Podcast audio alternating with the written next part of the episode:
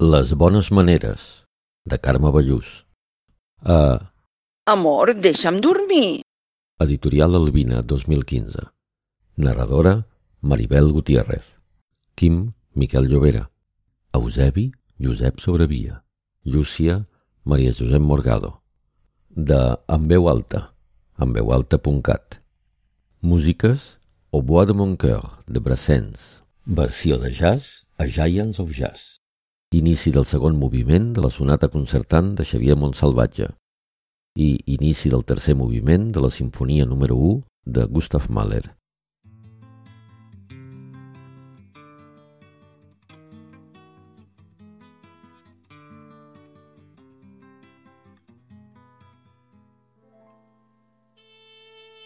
Vindrà l'Eusebi i li prepararé un cafè.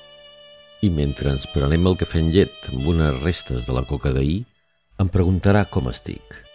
Jo li contestaré que bé i que m'ha semblat molt nerviós quan m'ha trucat.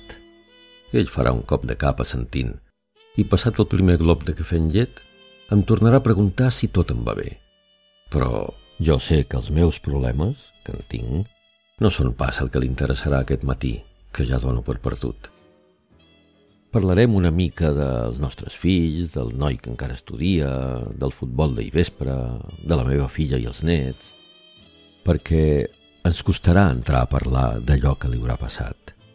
A l'Eusebi se li farà una muntanya, perquè posar-ho en paraules vol dir reviure-ho.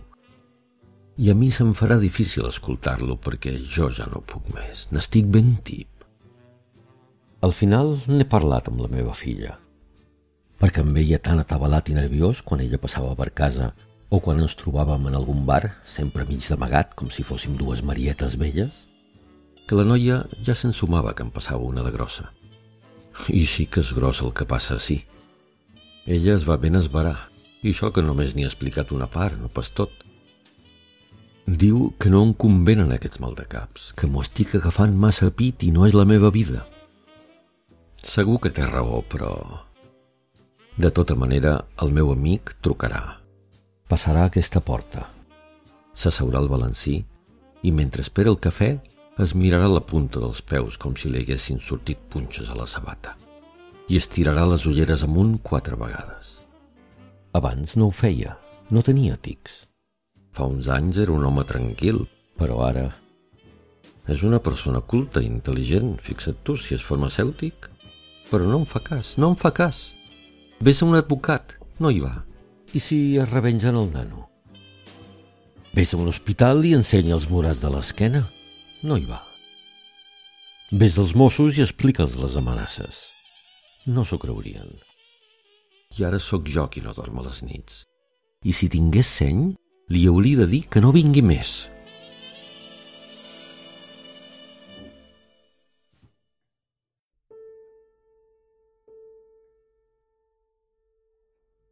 L'Eusebi sent que la porta es tanca i respira fondo.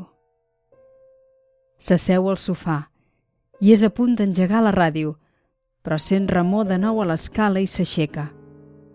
Es posa a feinejar a la cuina. Ella entra d'una revolada, agafa una carpeta que s'havia deixat damunt el moble i surt, sense dir adeu. L'home s'ha quedat amb la pregunta a la boca. Que t'has descuidat res? Però la mirada d'ella, glaçada, l'ha aturat. Ara sí. S'estira al sofà i tanca els ulls. Ni tan sols pensa en la música que anava a posar. Una sensació de calma es va instal·lant en el seu ànim, habitualment alerta. Una pau fugissera, una treva mínima. Just s'acabava de dormir quan sona el mòbil. Que estaves dormint? No, no, dona, estic arreglant la cuina. Més et val. A veure si a sobre... I recorda que falta sabó per la rentadora. L'Eusebi dona la pausa per acabada, de fet per malmesa, i es posa a fregar els plats de l'esmorzar. Després plegarà roba i quan acabi anirà a buscar alguna cosa per dinar per ell i per al fill, el Martí, que arriba de la facultat amb molta gana. i no s'ha de descuidar el sabó de la rentadora si no vol tenir problemes amb la dona aquest vespre. També cal pensar en el sopar. Potser passarà per la peixateria. A la tarda seguirà preparant la conferència que ha de fer d'aquí 15 dies sobre l'alimentació saludable en els adolescents. D'ençà que s'ha jubilat troba faltar el contacte directe amb la gent. Atendre la farmàcia li ha agradat sempre molt.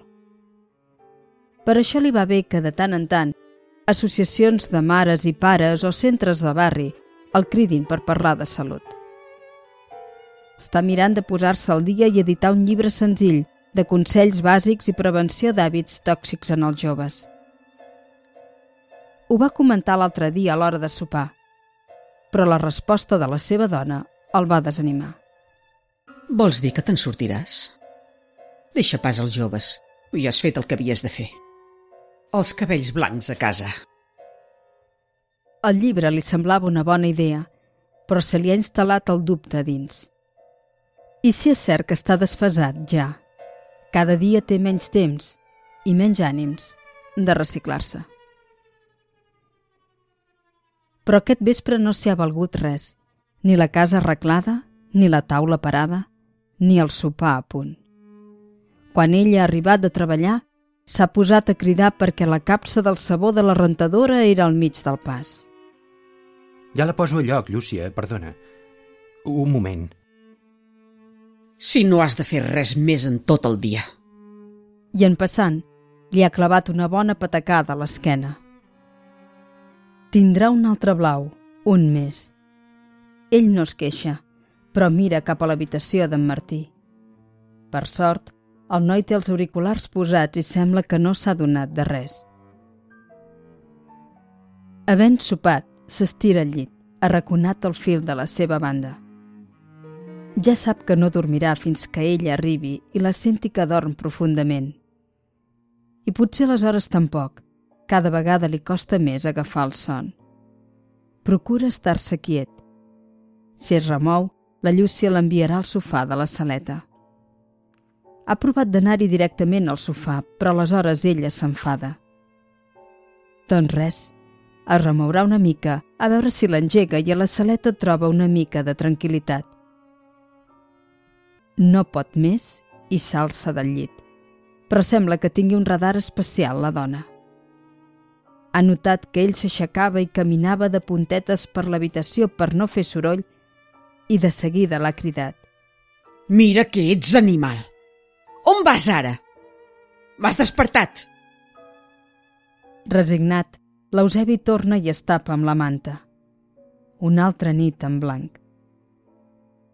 Quan la sent ben adormida, li passa la mà per l'esquena, suaument.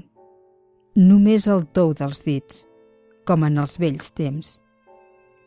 Ella es remou, inquieta, i ell atura el gest a punt de vessar una llàgrima, que se'n passa per si la dona gira de sobte. Llàgrimes tremolant als ulls, ulls tremolant dins el cos. Tot ell un tremolor. No seria pas la primera vegada que li diu que sembla un figaflor i no pas un home amb els pebrots ben posats. Perquè, més, li agrada engegar-li els insults així, amb llenguatge barruer, com si en lloc de ser l'empresària elegant que tothom admira i respecta, fos un camioner de barriada. L'endemà, quan la Llúcia se'n va a treballar, ell fa cap a veure el seu amic Kim, el que tantes vegades li ha aconsellat que la deixi, que se separi, que vagi a l'hospital quan la dona li clava un cop fort de debò o l'amenaça posant-li el ganivet davant la cara, o se'n burla dient-li que el farà fora de casa. Que es faci valer d'una vegada per totes. Però ell no vol. No pot. No encara. Ves que diria la gent que els coneix de tota la vida. I sempre queda una mica d'esperança. Avui mateix sap que hauria d'haver tret la capsa de sabó del mig. És la veritat. Potser les coses poden canviar. Potser si ho té tot a punt i ordenat, ella s'adonarà del seu esforç. Alguna vegada ho ha fet. Ha deixat anar un comentari amable i aleshores ell és l'home més feliç de la Terra. però si s'hi acosta per abraçar-la, el rebutja amb una rialleta sarcàstica. On et penses que vas? I s'ha acabat el miratge. Tot i que... Ara ja fa mesos que no hi ha ni tan sols un comentari suau. Tot té regust d'ametlla amargant. Si en Quim tingués una estona demà. Que cansat que estic.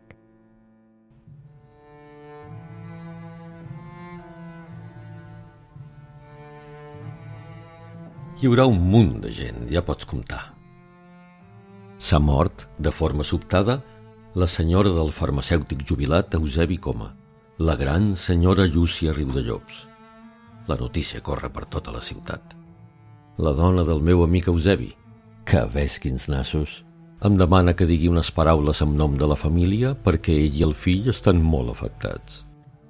Ja em diràs, el que estan és alliberats i no tenen ganes de fer més comèdia. Avui mateix ho comentàvem amb la meva filla, que m'ha dit «Papa, tu també descansaràs». Això si pare o fill no han tingut alguna cosa a veure en aquesta mort inesperada. D'això a la meva filla no n'hi ha dit res, només faltaria. Són idees que em passen pel cap. Però si el senyor forense no n'ha dit res quan se la mirada, per mi tot està bé. Sobretot ella està bé, tan maca i ben posada, elegant com sempre, en forma fins i tot de cos present. Perquè feia esport, eh? Natació, pàdel i gimnàs, que no sé d'on traia el temps. Oh, tant, per poder fotre bones batzegades a l'Eusebi. I el fill, vés a saber també quin paper hi ha tingut. Que és sec, o burro o se l'ha fet, protegit per son pare. Ben bé, cada cas és un món i no se sap què hi passa. Perquè això sí, als sopars d'empresa, la senyora Riudellop sempre hi anava acompanyada del seu home i es passejaven per Vic. Ara a ballar al casino, ara a l'Atlàntida Teatre, ara uns amics a sopar al restaurant de la plaça i ell a Palí, com un xaiet al costat de la dona. Doncs si he d'escriure unes paraules, les escric. I diré coses florides com hem perdut una gran empresària amb la flor de la seva maduresa. I també hi posaré que les seves aportacions en el món del disseny gràfic han estat veritablement innovadores. I després ja em posaré cínic del tot i diré Llúcia, et trobarem a faltar molt. La ciutat ha perdut amb tu un dels seus personatges més emprenedors. Això segur que agrada, que l'emprenedoria està molt de moda. Després vindrà allò de en nom de la família els agraeixo la seva presència. I em callaré, Eusebi, que agraïm molt la seva absència, la d'ella, perquè, com vosaltres, guardaré les bones maneres fins al final. Descansem en pau.